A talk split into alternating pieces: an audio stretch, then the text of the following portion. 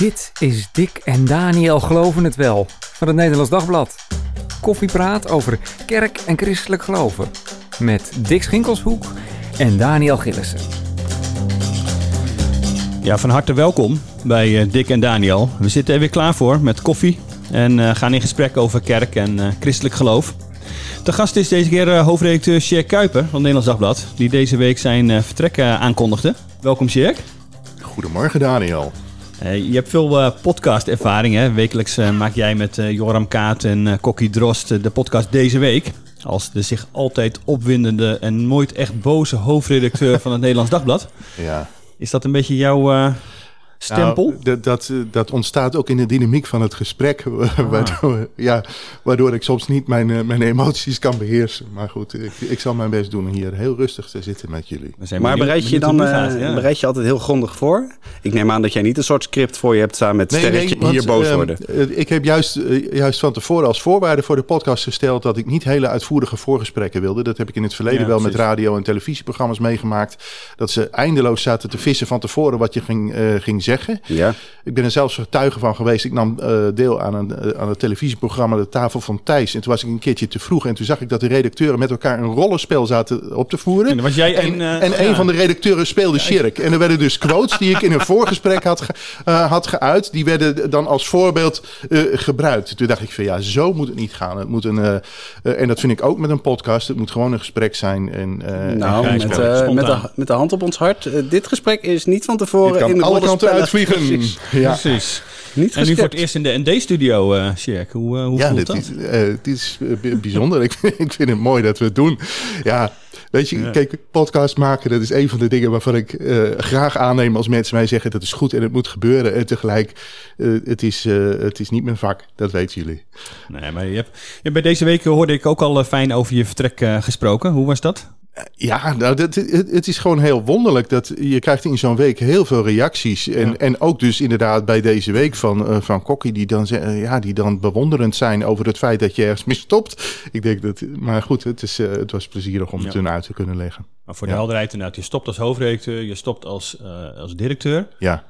Uh, en, maar je wil blijven schrijven voor het Nederlands Dagblad. Ja, maar ik heb dat niet als een voorwaarde gesteld uh, aan degenen die over mij gesteld zijn. Maar waarom vind je dat gek dat mensen zeggen, jongen, dat je zo'n positie uit eigen beweging, zonder dat je daartoe gedwongen wordt, of omdat je met pensioen gaat, of noem maar op, omdat je iets anders gaat doen, dat je dat, je dat zelf opgeeft? Ik, ik, ik snap wel dat mensen dat bewonderenswaardig vinden.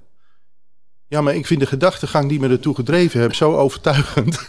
Maar goed, dat is misschien het, uh, het leven vanuit de overtuigingen. Dat, ik, uh, dat mensen dat toch allemaal moeten, ook, uh, moeten kunnen zien. Dat, dat in elke leidinggevende functie een soort, een soort dynamiek zit. Van je, je, je begint met idealen en opvatting, je verwezenlijkt iets.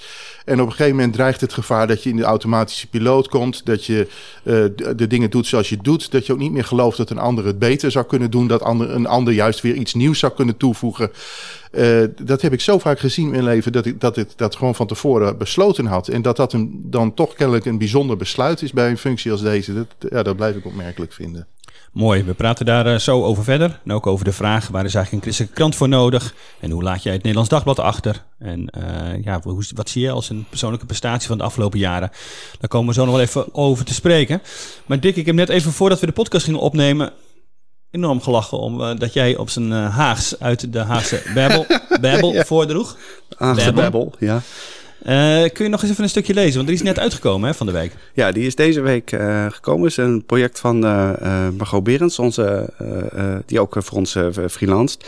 Ja, je moet weten, ik ben zelf deels in Den Haag opgegroeid. Ik uh, heb me dat Haags ook wel eigen gemaakt, hoewel ik eigenlijk een Hagenaar ben, zoals dat ja, dan heet. Je bent geen, deftige, hè? Geen Hagenees, maar ja. ik zat echt in de klas met Hageneesjes. Nou, je, je gaat het al meteen horen, hè? Dan uh, het gaat meteen om. Maar uh, dit is dus een Bijbel in het Haags, verschenen, of althans een Bijbelgedeelte in het Haags, ook vertaald naar de leefwereld van de, van de, de, de Hagenees uit Schilderswerk.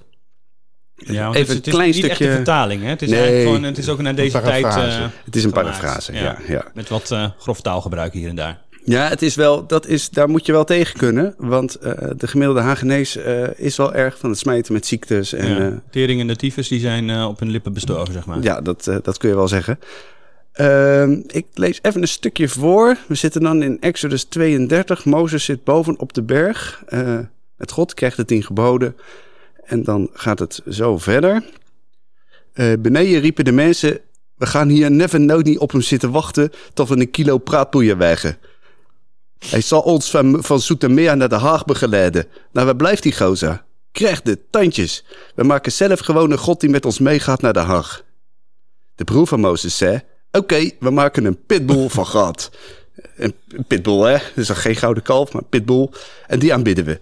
Ja, de heilige pitbull heeft ons bevrijd uit Zoetermeer, riepen de mensen. Ze stonden te buigen voor de gouden pitbull en gingen hachelen en hessen. En er werd een groot feest. Kijk, je kunt het nog. In elk geval eruit voorlezen. Ja, ik kan het nog wel, ja. Dat is, uh, het is nog best lastig te lezen, want je moet het eerst even goed tot je laten doordringen wat er precies ja. staat. En, uh, maar het is... Uh, is hilarisch, ik ben benieuwd wat het gaat doen. Wat zegt Margot erover? Wordt het iets wat, uh, wat de mensen weer bij de, op de Bijbel kan, uh, bij de Bijbel kan terugbrengen? Ja, dat is, dat is, dat is natuurlijk wat ze hoopt. Uh, misschien, ja. Het is, het is vooral grappig. Ik merk dat het vooral grappig uh, ontvangen, ontvangen wordt. Het herinnert mij natuurlijk aan de Friese Bijbel. Ja. Ik heb jarenlang in Friesland gewerkt en gewoond en gemerkt hoe uh, belangrijk de taal daar voor de mensen was. Maar goed, het was dus niet een dialect, maar een taal. En tegelijk ook soms de spanning, zelfs bij, bij, bij uh, Friese, voor wie het Friese memmetaal was. Die, die dachten en leefden en droomden en alles in, en geloofden in het Fries. En dan toch van ja, maar is het wel eerbiedig om het in het Fries te lezen? En, om God ineens in het Fries uh, exact, te horen zeggen. En het heeft ja. eigenlijk de, tientallen jaren gekost voordat de acceptatie kwam. En dat, en dat was dan ook weer een maatschappelijk verschijnsel van ja, die taal, dat is echt de taal van je hart. En dat is niet oneerbiedig. En ook al heb je misschien inderdaad tientallen jaren geleden in het Nederlands de Bijbel leren uh, lezen, zo dicht mag God bij jouw hart en bij jouw taal en je gevoel komen. Want ja. uh, de Friesen hebben natuurlijk een echte uh, Bijbelvertaling, die is van ja. 1978. Ja, en er, wordt, er is een project uh, gaande ook weer om een, uh, om een nieuwe die is vertaling nog niet, te maken. nog niet klaar. Ja, ja. Is, dat, is dat dan zo'n Bijbelvertaling die jij gaat aanschaffen? Ga je dat lezen? Die ga ik zeker kopen en lezen, omdat de taal mij gewoon heel erg interesseert. alleen het, het, probleem wat zelfs Friesen met hun eigen taal hebben, is dat ze hem vaak wel kunnen spreken, maar niet kunnen lezen. Omdat het, de Hmm. taal op papier er fonetisch of heel anders uitziet dan dat die fonetisch klinkt. Dus het, het blijft uh, zelfs voor een groot deel van de, van de Friestalige Friesen lastig om te, te lezen. En al helemaal om correct te schrijven in het Fries. Ja, precies. Nou, als, als Hagenaar kan ik me ineens in die, uh, dat Friese probleem uh, in, inlezen, ja. inleven. Als ik, als ik jou zo hoor praten, moet ik wel een beetje aan Henk Bres denken. En dan denk ik weer aan Lagerhuis. En dan denk ik aan Sjeer Kuiper, die bij het Lagerhuis zat. en dan oh, is het cirkeltje ja, ja, weer rond. Heb je hem daar ook met, met hem samen gezeten, of niet? Nee, nee. Ik, was dat een ik, andere ik, tijd? ik kwam er net in nadat hij weg was, oh, inderdaad. Ja, ja.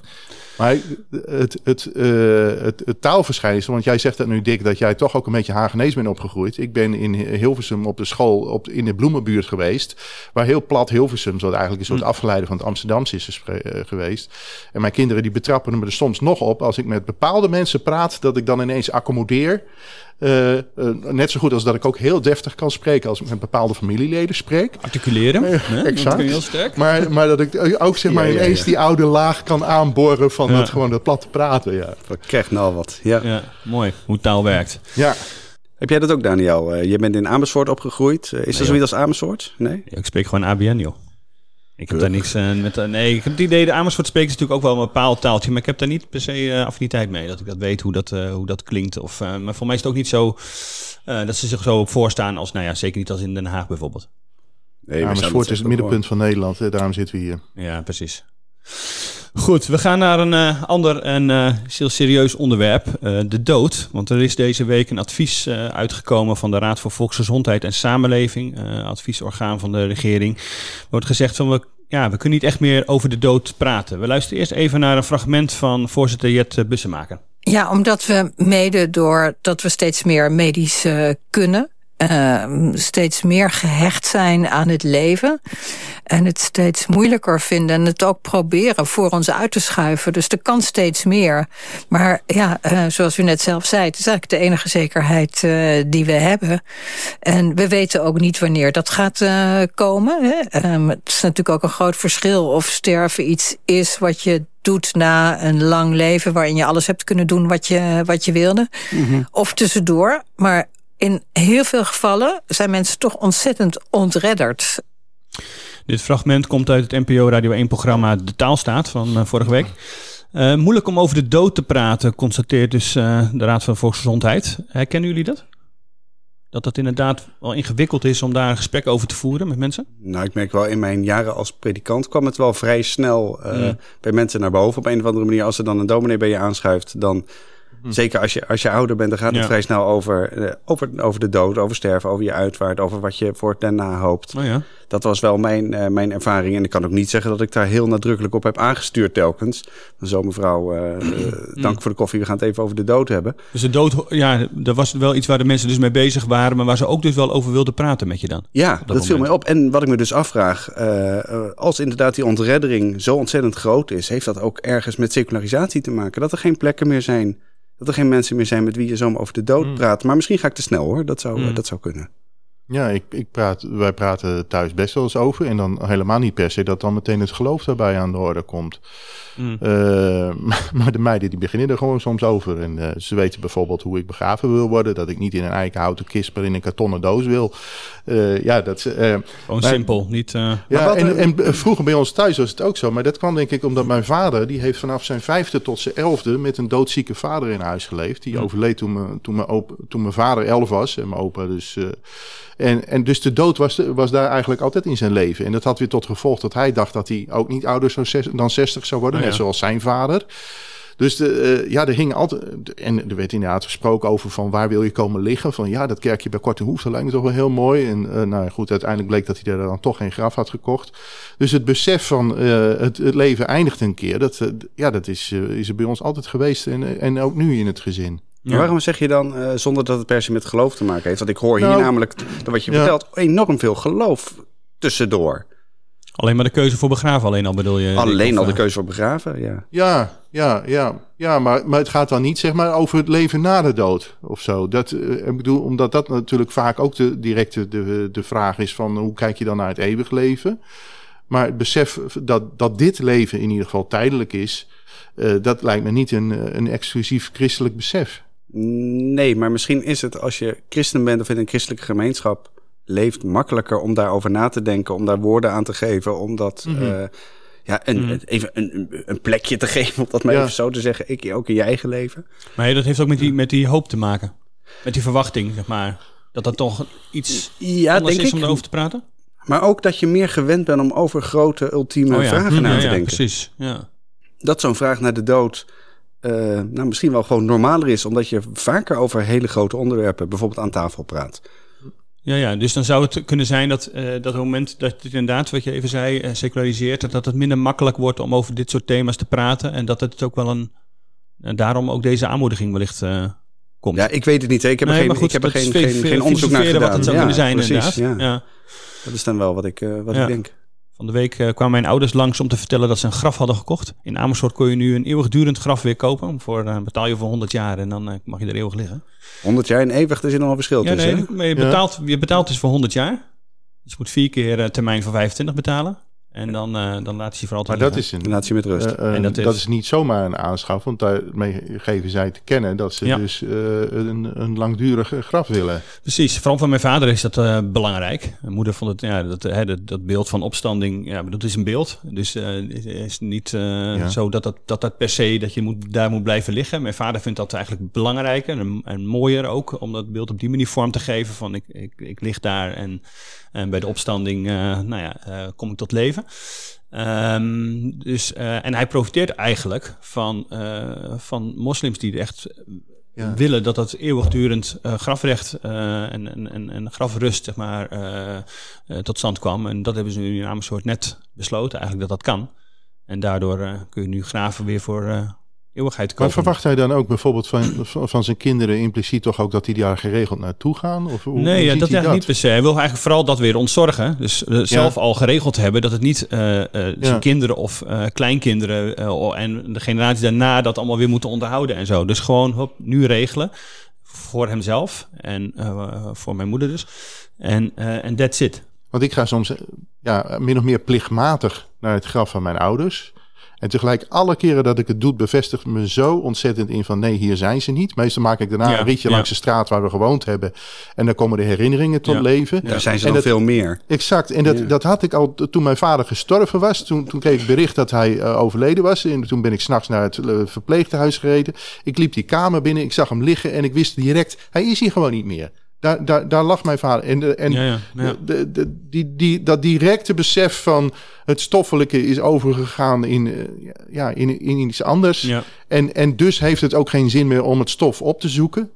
Eh, Nee, nou, het gaat in elk geval niet over dat hij dus eh, een soort eh, de herinnering dan levend wil houden of zo. Maar het, het- ik weet niet of dat beeld van, van opstaan en de graven gaan open, dat, dat is wel iets wat heel sterk voor hem leeft. Maar niet zo dat, het, dat dan de generaties daar ook weer per se moeten komen. Want had eerder gedacht, ik wil wel een, een natuurbegraafplaats ergens in de buurt van Arnhem. En Ja. geen, de- de- hè, niks, geen herkenningteken ook verder. Je krijgt een coördinaat waar je weet, nou ja, waar iemand, dan is het dus is begraven, maar verder rest helemaal niks. Dus het is niet zo dat het voor de mensen een soort herkenning is, maar gewoon voor nou ja, zichzelf en het geloof wat daarin dan een belangrijke rol speelt. Nou, vind ik wel mooi. Maar spreken jullie dan ook al over de uitvaart? En over Ja. zijn verwachtingen? En, eh, Daar wordt nu ook wel, daarover? eh, precies, daar spreken we nu Ja. ook wel over. En eh, dat vind ik wel heel, eh, ook wel heel prettig, dat je dat niet ehm, ja, dan opeens eh, hoeft te bedenken en moet denken hoe zou papa dat eigenlijk gewild hebben? Of nou ja, dat vind ik eigenlijk wel, wel heel mooi, dat je er ook al over spreekt en over nadenkt. En dat dat niet iets is wat, wat dan opeens nog ge- geregeld moet worden. Ook omdat je voor mij wel recht wil doen aan ja, wat de, de overledene ook zelf wil. Ja, wat dat betreft hadden we een leuk, eh, een leuk berichtje in de krant deze week over het kerkcodiciel. Dat zijn nu nog plaatselijke initiatieven. Maar nou, misschien dat eh, de protestantse kerk dat, eh, dat, dat ook kan, kan, kan overnemen. Dat is het idee dat, er, dat je een soort formulier invult met, met de hand in, in principe. Waarin je aangeeft wat jouw wensen zijn als het gaat om een kerkelijke uitvaart. Omdat heel veel mensen merken dat hun kinderen niet zoveel meer met geloof hebben. Daar niet zoveel meer van weten. En dan toch handvatten krijgen. Ja, je kunt ook zeggen, als je het wat, als je het wat Ja, interpreteert, aanwijzingen. Ja. Ja. Ja. Van eh, zo, eh, zo, zo wil ik mijn afscheid. Dan krijg je natuurlijk weer eh, de hele discussie van, van wie is het afscheid precies? Ja. Is dat van de kinderen of is dat van de overledene zelf? En wie, wie heeft daar de Mhm. laatste woord dan, dan in? Maar wat vind jij dan, Dick? Een kerkelijke uitvaart. Ik bedoel, ik heb altijd geleerd, rouwdiensten zullen niet worden belegd. Oftewel, de, de, eh, en, en vroeger was het ook in christelijke kringen helemaal niet gebruikelijk. Een overledene werd thuis opgebaard. En misschien kwam er dan wel een predikant bij om een vertroostend woord te spreken. Maar om daar een kerkelijke ceremonie omheen te maken. En dat is nu juist haast een soort ver- verplichting geworden. Dat wij er ons als nabestaanden verlegen mee voelen. Van zouden we mijn schoonvader misschien ook kunnen begraven zonder een predikant erbij? Zoals mijn vader uiteindelijk blij was dat niet de toenmalige predikant van de gemeente hem zou begraven. Want daar, nou ja, die, daar kon hij zich wat aan irriteren. Maar gewoon zijn mee. neef Ja. die, die, die, die, eh, die een stichtelijk woord sprak. Maar de, de zelf- vanzelfsprekendheid waarmee een christelijke begrafenis een kerkelijke begrafenis is geworden, dat, dat klopt toch niet? Nee, het is inderdaad een vrij nieuw verschijnsel. Eh, volgens mij vooral voor eh, algemeen.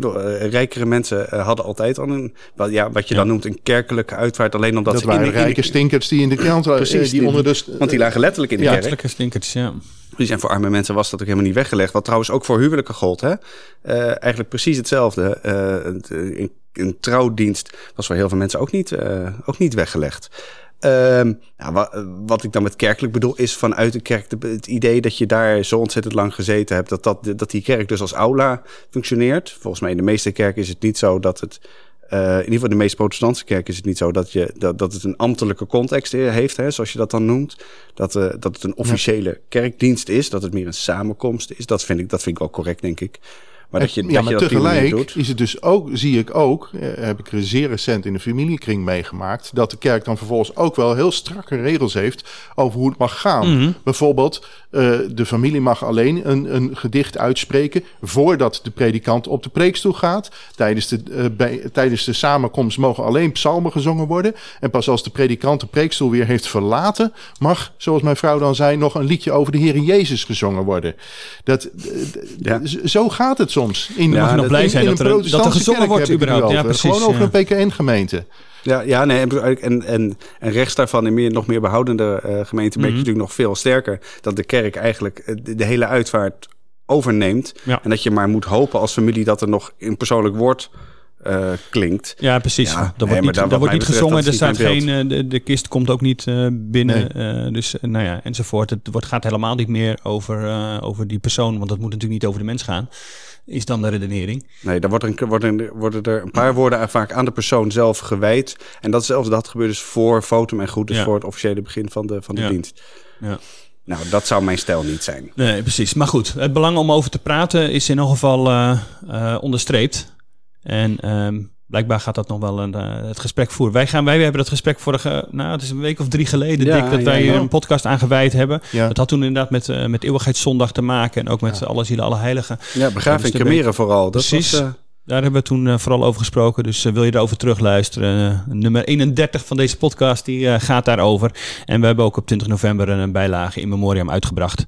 Met allemaal verhalen over de dood. Want we vinden inderdaad als Nederlands Dagblad heel belangrijk om dit thema steeds te bespreken. Ik heb daar trouwens nog wel een paar aardige reacties van luisteraars op gekregen. Op die opmerking van dat, nou, dat, dat, dat begraven toch de, de standaard optie voor christenen is. Zoals ik het volgens mij vrij, vrij stevig heb verwoord in die podcast. Eh, mensen die ook een soort pijn verwoorden. Van ja, maar mijn, Ja. ik merk dat familieleden van mij anders kiezen. En ik vind dat heel moeilijk. En hoe moet ik daarmee omgaan? Daar zit, daar zit echt nog wel pijn en moeite. En, eh, Ja. en, en ook wel verlegenheid, denk ik. Maar daar heb je ook wel weer de vrijheid juist in gegeven. Maak het ook weer, niet- dan weer niet te groot. Ik bedoel, dat je dat, die keuze voor jezelf maakt. Maar ga niet voor anderen ook weer bepalen wat dan het beste is. En laat het ook wel los. Vind ik sowieso eh, vaak een goed uitgangspunt. Ja. Goed, Check. We gaan naar jou. Nou, Ja. ja. Ja, want jij gaat weg. Wat is dat nou? nee, ik weet niet of ik wegga, jongens. Nee, dat maar ik wel treed uit- terug. Ik treed af en ik treed terug. Ja. Ja, ja. Kijk, maar zie, je hebt dat eh, afgelopen maandag heb je dat aan het personeel van het Nederlands Dagblad bekendgemaakt. Ik zat in die zaal, ik, ik wist dat niet. Ik zat er niet aankomen. Kijk, Daniel weet, wist dat natuurlijk allemaal al lang. Ja. Eh, ik zag dat niet aankomen. Ik zou je wel zeggen, dat was wel even een, een, een, een, een- nou, een schok. Ja, ja, het was gewoon wel een schok. Oké, ja. Wat gaan we nou krijgen? Nee, Maar- dit. Nu? Wat? Waarom? Ja, maar ik had het toch wel voorzegd. Want ik heb gemerkt de afgelopen dagen dat met name oudere collega's die er al waren toen ik begon in 2013. Dat toen voor hebben, mij ook. Ja, toen, toen wel hebben opgevangen dat ik dingen heb gezegd als van nou vijf tot tien jaar. Eh, een collega die had al geconcludeerd 7,5 jaar. hey, hij is over termijn.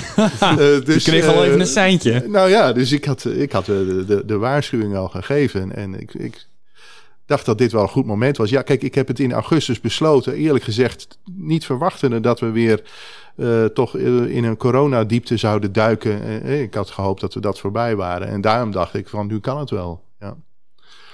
En, en waar, waarom? Waarom stop je inderdaad mee? Wat is jouw overweging daarbij? Je hebt er net al iets over gezegd, maar kun je er iets over, over toelichten?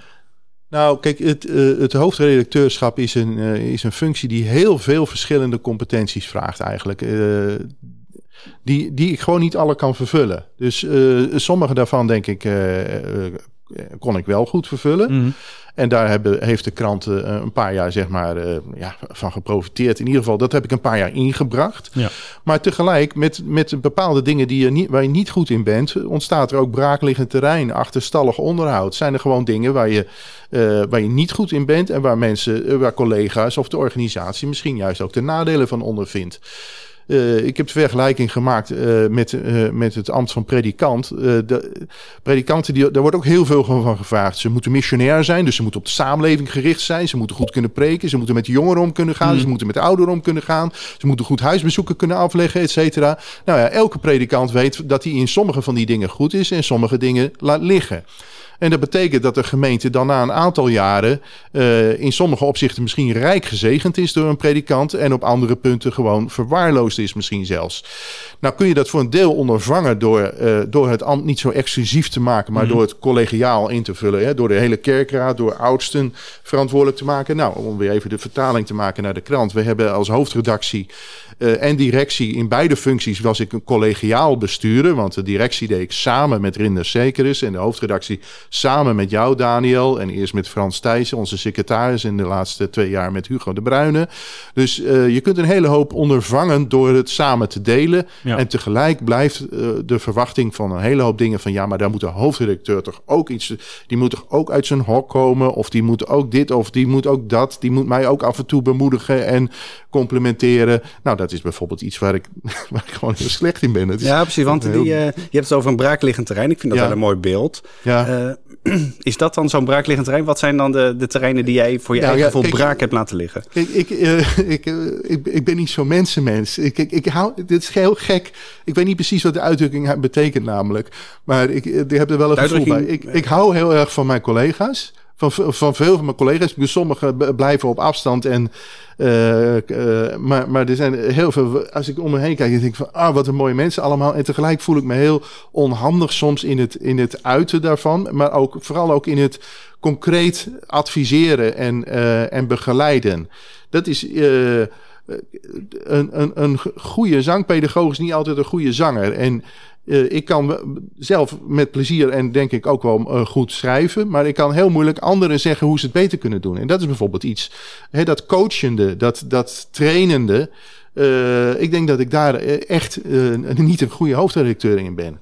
Oké, en waar was je, waar was je wel een goede hoofdredacteur in? Nou, ja, weet je, wat ik vooral me, me op heb willen toeleggen, en dat had te maken met hoe ik de krant aantrof, mm -hmm. dat was dat de krant mijns inziens te introvert was. Te veel eh, bezig was met, met, met eigen interne discussies en, uh, en, en ongemakken en spanningen en dergelijke. Waar, de, waar denk je dan aan? Wat? Nou, ik zou je eerlijk zeggen, toen, toen, toen ik begon, hoorde ik dat het jaar daarvoor waren er intern waren de beleidsconferenties geweest, gesprekken over een aantal hete hangijzers. Er was uitvoerig door de redactie gediscussieerd over, over onderwerpen als gereformeerd of evangelisch, over homoseksualiteit, over Israël.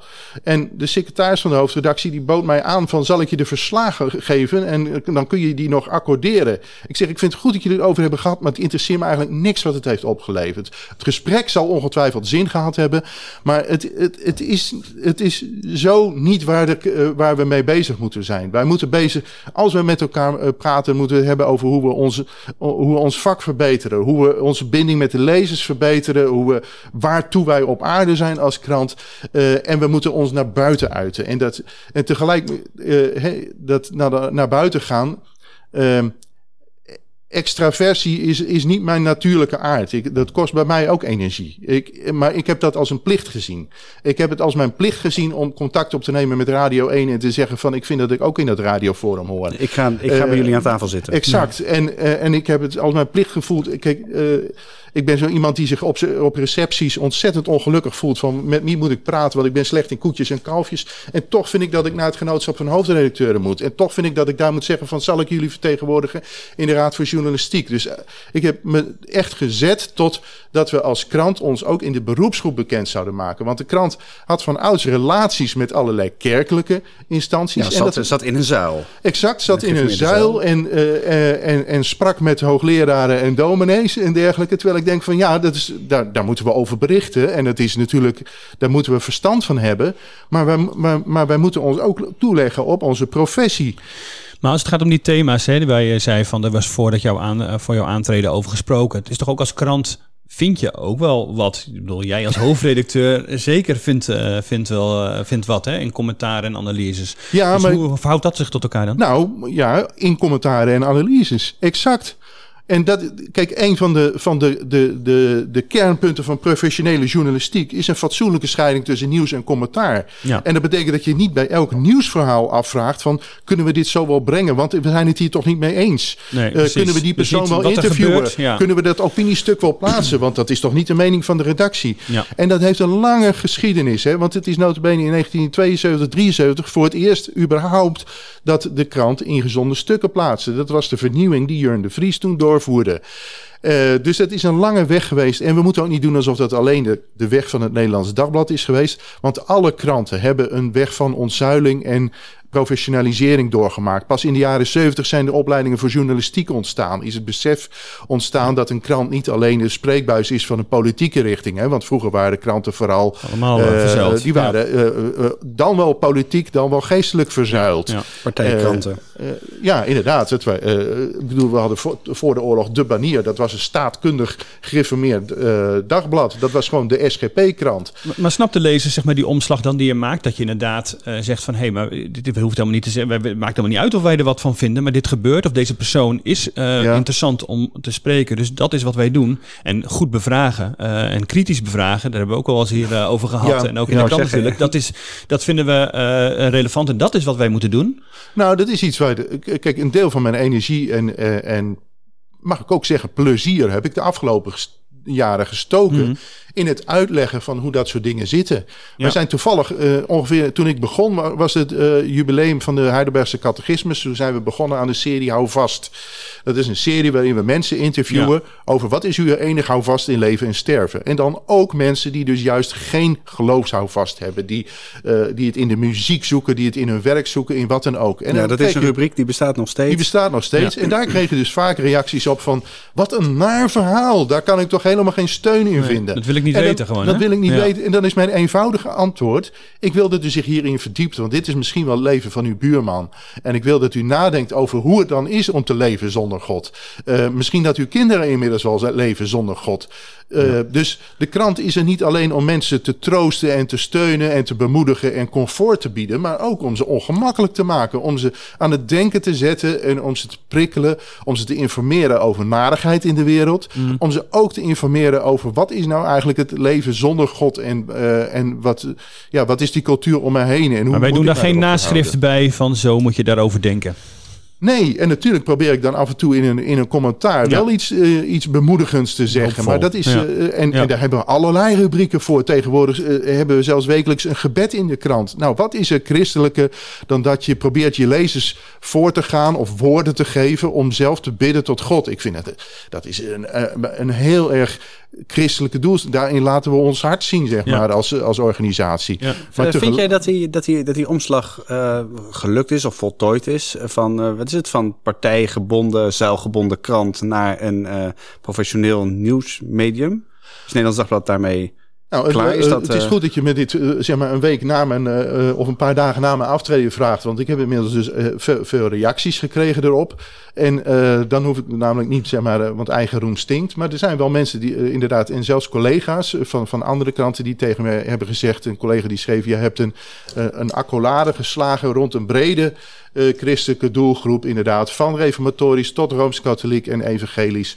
Zonder dat er voortdurend de kramp in zit van ja, maar zijn, wat zijn we nou zelf? Zijn we nou wel gereformeerd of evangelisch? Nee, wij zijn een christelijke krant. En, uh, en wij staan op een, op, een, op een eeuwenoude basis. Voor mij is Nicea en het apostolicum is gewoon de basis van de christelijke kerk. Daarin wordt gewoon heel krachtig. Dat, dat, is, opmerkelijk, dat zul jij weten als predikant. In, in, de, in het apostolische geloofslijnen staat niets over het schriftgezag. Maar er staat wel over, over dat wij leven in een geschapen hmm. werkelijkheid. die verlost is door Jezus Christus, de Zoon van God. Dat wij uh, leven in een gemeenschap van heiligen. geloven in een gemeenschap van heiligen. de algemene katholieke kerk. En dat we het toekomstig leven verwachten. en de Heilige Geest ons leidt. Nou, dat zijn de kernpunten waarin je met een hele brede uh, stroom van christenen je verbonden kunt weten. Uh, en waarmee je dus een, en waarmee en waarvoor je een krant kunt maken. Ja. En als we dan nog even verder gaan van, want het is de kerk, dus heel breed kerkelijk uh, is Nederlands Dagblad geworden. Ja, er zijn ook mensen die zeggen, nou, maar als je bijvoorbeeld even naar politiek kijkt, ja. het, is het Nederlands Dagblad niet ook nog, nog weer ontzettend nog een ChristenUnie-krant? Nee, ik denk wel dat, kijk, heel eerlijk gezegd, gewoon de, de overeenkomst tussen het Nederlands Dagblad en de ChristenUnie komt gewoon omdat we, nou ja, heel simpel, omdat we allebei christelijk zijn. En ik, ik uh, bedoel, maar er zijn meer christenen. Wij, en er zijn ja, maar wij verzinnen onze opvattingen, zeg maar, we zuigen ze niet uit de duim. Voor mij is de, Bijvoorbeeld de, de, de open manier om naar de cultuur en naar de wereld te kijken. Het besef dat, een, eh, dat onze nationaliteit niet een verworvenheid is. Uh, waarmee we anderen mogen uitsluiten. Dat we, dat we uh, zonder nou meteen te zeggen we open grenzen. Maar wij leven wel in een. Bedoel, als je de Bijbel leest, hoe, hoe God met mensen omgaat. Hoe, hoe, hoe betrekkelijk, zeg maar, juist ook nationale kaders en grenzen zijn, dan heeft dat hele duidelijke politieke consequenties. En, en het sociale van het evangelie, het, het, het liefdevolle en barmhartige, dat, dat, ja, dat uit zich in de politiek net zo goed als in opvattingen van een krant. En, uh, en als je nou zeg maar de ons, je zegt van ja, er zijn ook andere christenen. Ja, dat, dat, dat klopt. Ja, er, er, is, bestaat een heel vrijzinnig christendom, wat, wat eigenlijk nauwelijks meer uh, een besef heeft van de, dat, de, dat de wereld echt door God gemaakt is. Uh, en, en dan bedoel ik iets, iets anders dan, dan het scheppingsverhaal, maar wel dat, dat, dat jij en ik gewoon wortelen in in het scheppingswerk van God onze Vader. Dat we, en, uh, dat we dat, van zijn geslacht zijn. Uh, zeg ik zo goed? Nou ja, jij kan het beter zeggen, dik als theoloog. Maar, en, en anderzijds zie, zie ik ook uh, een, een christendom, wat, wat een hele culturele, uh, cultuurchristelijk is geworden. Waardoor het juist exclusief is en uitsluitend en, en heel argwanend, bijvoorbeeld ten opzichte van de islam. Terwijl ik denk van dat. Nee. Ja. is niet zo bang. Sa. Ja. Maar vat eens samen, Sjerk. Ja. Wat heb ik aan een christelijke krant? Waarom zou ik me daarop abonneren? Ik denk dat het uh, voor een hoop christelijke lezers gewoon een krant is die schrijft over de, de, de onderwerpen die hen uh, boeien, maar ook hen helpt na te denken vanuit de christelijke overtuiging te kijken naar het nieuws.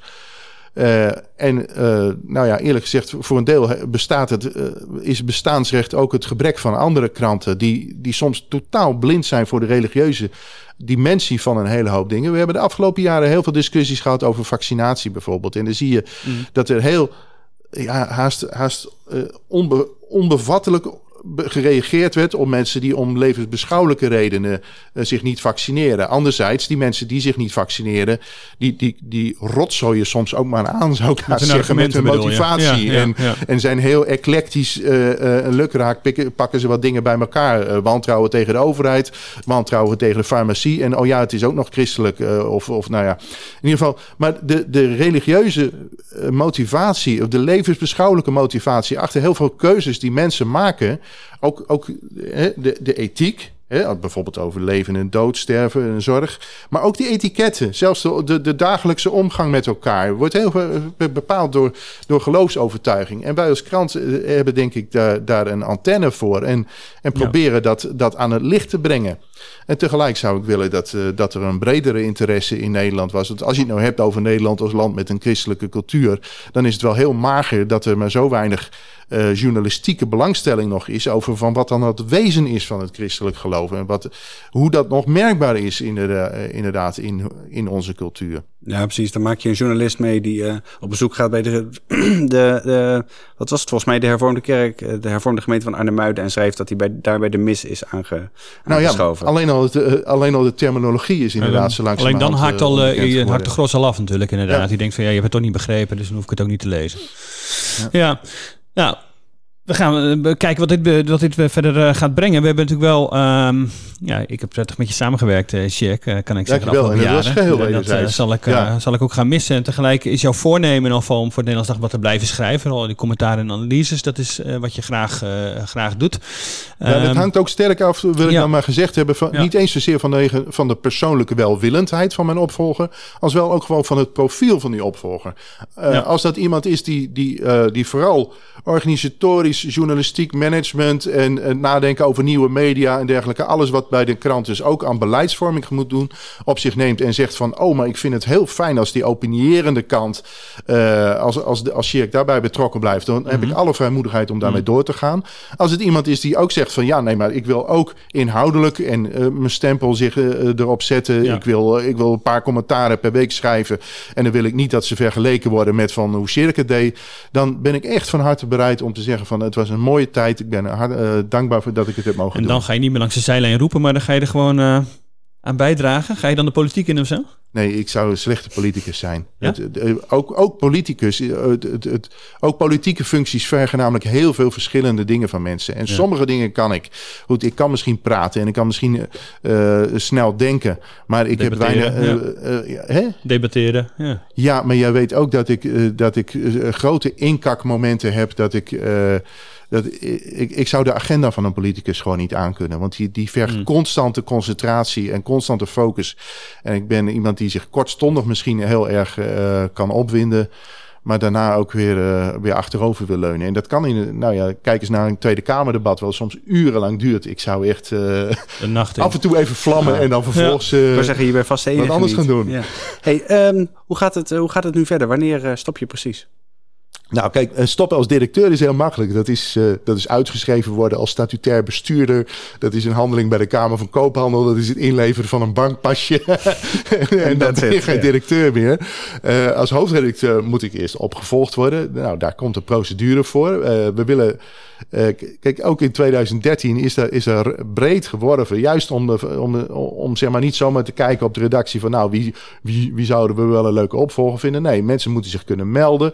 Ook van buiten moeten mensen zich kunnen melden. En tegelijk moet er gewoon goed gewogen worden van ja, wat, wat is het profiel en wie zoeken we daarbij. Dus dat is een procedure die, die wel twee, drie maanden in beslag kan nemen. En die begint met een, met een profielomschrijving die waarschijnlijk in januari als advertentie in de krant komt.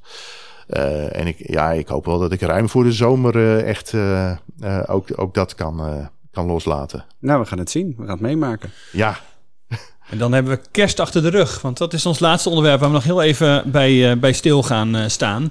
Uh, de Eurocommissaris voor Gelijkheid, Helena Dalli, had het voorstel om het woordgebruik te schrappen als kerst en kerstfeest en goed kerstfeest, dik. Dat mogen we niet meer tegen elkaar zeggen. Ja, dat heeft ze geweten, zeg. Dat heeft ze geweten. Het is, even voor de goede orde, het gaat om een intern stuk van de Europese Commissie. Dus hoe, hoe, gaan, hoe gaan ze daar intern als collega's met elkaar om? En zij heeft geadviseerd, vermijd woorden als als mankracht en manuren. Probeer wat inclusiever te zijn op dat punt. Uh, maar dus ook heb het niet meer over kerstdagen, maar over feestdagen. En dan zou, ze ook, uh, zou je ook het beste uh, Jozef, verwijzing naar Jozef, Maria en, en Christus kunnen vermijden. Want ze redeneert, niet iedereen viert tijdens die feestdagen kerst. En niet alle christenen vieren kerst tijdens de feestdagen. Dus hou een beetje rekening met elkaar. Uh, doe, dat, uh, doe dat gewoon Diversiteit niet. in de Europese Unie, ja. daar moeten we rekening mee nou, houden. Nou, dat was al, uh, de, dat was, al in oktober is dat, is dat mm -hmm. verschenen, die nota. heeft niemand op gelet. En wat totdat, vind jij daar nou van, Dick? Je hoeft er niet alleen over te vertellen. Je mag er ook wat van vinden. Zeg het maar. Nou, ik... Kijk, weet je, weet je, weet je, kijk, ik snap best, ik snap best, ik heb er een analyse over geschreven voor de, voor de zaterdagkrant. Ik snap ja. best dat je zegt, we moeten een beetje rekening met elkaar houden. En het hele idee dat Europa uh, christelijk is, of cultuurchristelijk, of hoe je dat ook maar wil noemen, dat, dat, dat klopt gewoon niet meer. Dat klopt niet meer met de werkelijkheid. Uh, er zijn mensen van andere religies, er zijn mensen die, uh, die geen geloof aanhangen. Daar, je mag best een beetje rekening met elkaar houden. Ik had een, een verwijzing van, van, van, de, van de Joodse mevrouw op, op Quora, dat is zo'n zo'n zo'n webforum. En die zei, ja, moet je moet je, moet je je eens voorstellen zeg maar, dat jouw kind je de oren van je kop zeurt van ik wil cadeautjes en ik wil een kerstboom en ik wil dit en ik wil dat. Mm -hmm. uh, maar ja, wij vieren dat niet. De, de, de mm. dominantie ja. van kerst, kerst, en dan een bepaalde groot, soort ja. viering van kerst, hè, dus met, met kerstboom, kerstman, uh, lichtjes enzovoort en nepsneeuw, uh, is wel die dominantie is wel enorm groot. Dus dat je zegt van nou, misschien moeten we daar ook nog eens naar kijken, vind ik ook. Ja, dominantie van een zeker uh, frisdrankmerk misschien maar, wel, die, maar, ja, die het heeft gemaakt. Maar, ja. maar die, dat zijn toch allemaal dingen die je nu benoemt, die dus die toch juist niks met het christelijk geloof te maken dus hebben. Dat heeft de sneeuw en de kerstman en de bomen en weet ik wat niet al. De, ik denk dat veel christenen zich zo langzamerhand zeg maar vervreemd voelen door de dominante commerciële cultuur die er overheen ligt. Uh, uh, en denken van ja, maar dat is toch kerst niet meer. Ja, ben ik helemaal met je eens. En toch zeg ik, we moeten het niet doen. Het is een heel ja. slecht idee. En volgens mij komt dat erdoor omdat ergens ook in dat, in dat, dat seculiere verhaal, zeg maar, iets, van de, iets van, de, van de hoop en de verwachting dat de wereld nog echt anders kan worden. Zeg maar, eh, dat, er, dat er een wonder ja, kan ja. gebeuren. Dat er een nieuwe wereld nodig is. Hè? Volgens mij de hele, de hele, het hele gedweep met de, met de witte kerst uh, wijst daarop dat uh, je het gevoel hebt, maar alles, alles kan bedekt worden, alles kan weer mooi worden. Ik kan weer. Het verlangen naar herschepping. Nou, precies naar, naar herschepping. Volgens mij, volgens mij komt nergens in onze cultuur het hele idee van een hemel en van een paradijs, of de nieuwe hemel en de nieuwe aarde, in seculiere vorm nog zo nadrukkelijk tot ons als met, met kerst. En natuurlijk, dat vinden christenen ja. veel, te weinig, uh, veel te weinig concreet en veel te vaag. Maar volgens mij, ja, ik denk dan, als we dat schrappen, als we dat opgeven, als we dan niet meer over kerst praten, ja, en we gaan het alleen maar over feestdagen hebben. En wat zijn dan die feestdagen? Feestdagen, dan is het helemaal de commercie. Ja. Inclusief het verlangen ja. naar vrede. Hè? Wat zelfs zo ja. ver gaat dat het staakt het vuren soms uh, is geweest in oorlogen Precies, tijdens de, kerst. De kanonnen die, die zweven. Ja. ja. Ja, en, en dan kun je natuurlijk zeggen, ja, dat is niet christelijk. Nou, ik weet niet Jawel. of dat niet christelijk is. Christelijke uiting. En volgens mij, en als we dat ja. opgeven en we gaan goede feestdagen tegen elkaar zeggen, dan zijn we ja. dat misschien ook wel kwijt. Nou, dus, overtuigd, uh, ben, jij, ben je overtuigd ja. dat, dat, ik dat mag meemaken? Ja. Kijk, ik heb Sjerry Kuiper overtuigd. Precies, die opinie kunnen we in een, kun je in het Nederlands Dagblad uh, lezen van, uh, van zaterdag.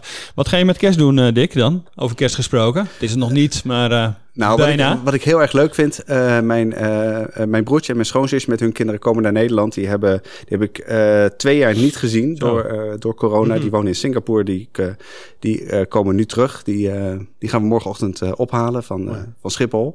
Dus we gaan kerst met hen vieren. Ik zie daar ontzettend Mooi. naar uit. Dus voor mij hoeft het ja. niet, zo, niet zo heel ingewikkeld. Kerst is gewoon dat ik weer even met hen, met hen praat. Kijk hoe groot mijn, mijn nichtjes en mijn neefje zijn, eh, zijn Ja, geworden. ja. Dus daar heb ik wel Geen, zin in. maar geen kerstnachtdienst mogelijk. Tenminste, dat is nog even afwachten natuurlijk. Maar eh, in elk geval de kerstnachtmissen zijn allemaal al eh, geschrapt. Ja, ik, hoef niet, ik hoef sowieso nergens voor te gaan. Oké, dat scheelt eh, alweer. Dat, eh, dat is weer, eh, weer een rustig. kerst. het feest Ja. consumeren. Ja, precies. Con- Ja. Consumeren is in dit geval In wel... plaats eh, van celebreren. ja. Mooi. En jij, eh, en jij Sjerk? Nou, wij gaan voor het eerst gaan we Sinterklaas vieren met kerst. dat is, Ja, dat bedoel, is- vroeger was dat ontzettend seculier om met kerst cadeautjes te geven. Ja, maar goed, het is een beetje vergelijkbaar. Heb je- mijn heb je dochter nou die kerstman komt, eh, binnengehaald? Nee, nee, nee. Hmm. Maar mijn dochter die komt uit Stockholm. Die, die, die studeert in Stockholm en die komt pas eh, tegen de kerstdagen. En eh, zij is ook, ja, zij, zij noemt zich niet christen. Zij heeft een vriend die het ook niet is. En toch hoop ik dat we juist met kerst dan ook, eh, Hm, ja, het, het over geloof, geloof kunnen hebben. Maar je weet niet of het daarop komt natuurlijk en zo. Maar, maar het is wel... Het, het, kijk, mensen Ja. doen er vaak schamper over. Hè, van met kerst. hè, Er zijn mensen die gaan maar één keer per jaar naar de kerk met kerst. En dan denk ik... "Goh, Ja, gingen ze maar. Ja. God mogen wat doen. Ja, precies. Ja. Ja. Ja, en dat is natuurlijk ook het treurige van dit moment, zeg maar. Dat juist eh, het moment dat misschien mensen één keer naar de kerk eh, kunnen gaan, dat het, dat het Nou. niet mogelijk is. Ja. En eh, ja, dat is wel pijnlijk, ja. En dan wil ik toch nog even wat jij gaat doen, eh, Daniel. Ik ga, ik ga denk ik wel naar de kerk op kerstavond. Want ik ga naar eh, Spanje op vakantie. Even een keer decadent doen. Ik heb dat niet eerder gedaan met, eh, met kerst. Dus het is, dit is een... eh, eh, eh, ehm, nou ja, ik, doe, ik neem het er eens van, zou ik maar zeggen. Eh, ik merk maar bijna een soort schaamte nu je dit vertelt. Ja, nee, maar goed, dat is, dat is, dat, ja, weet je, dat is ook een beetje zo natuurlijk. Je denkt, oké, eh, wat eh, doe ik? Maar ik, ik eh, zeg tegen mezelf, je hebt het verdiend, jongen.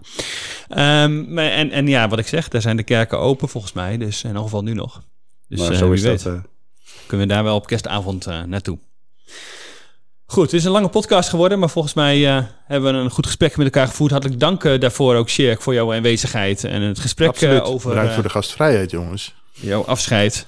En ehm, ja, wil je meer van, van dit, wil je deze eh, podcast ook eh, steunen, overweeg dan een abonnement. nd.nl slash abonnement, daar kun je alle versies vinden. En voor 1,75 per week kun je al alles lezen van het Nederlands Dagblad. En eh, neem er eentje, als je nou de krant op zaterdag neemt en dat ook snel doet, dan krijg je ook de kerstbijlagen, waar Dick, waar jij ook aan, aan, aan bij hebt gedragen, op de mat op, op vrijdag 24 december. Dus overweeg dat nd.nl slash abonnement. Tot volgende week. Dag.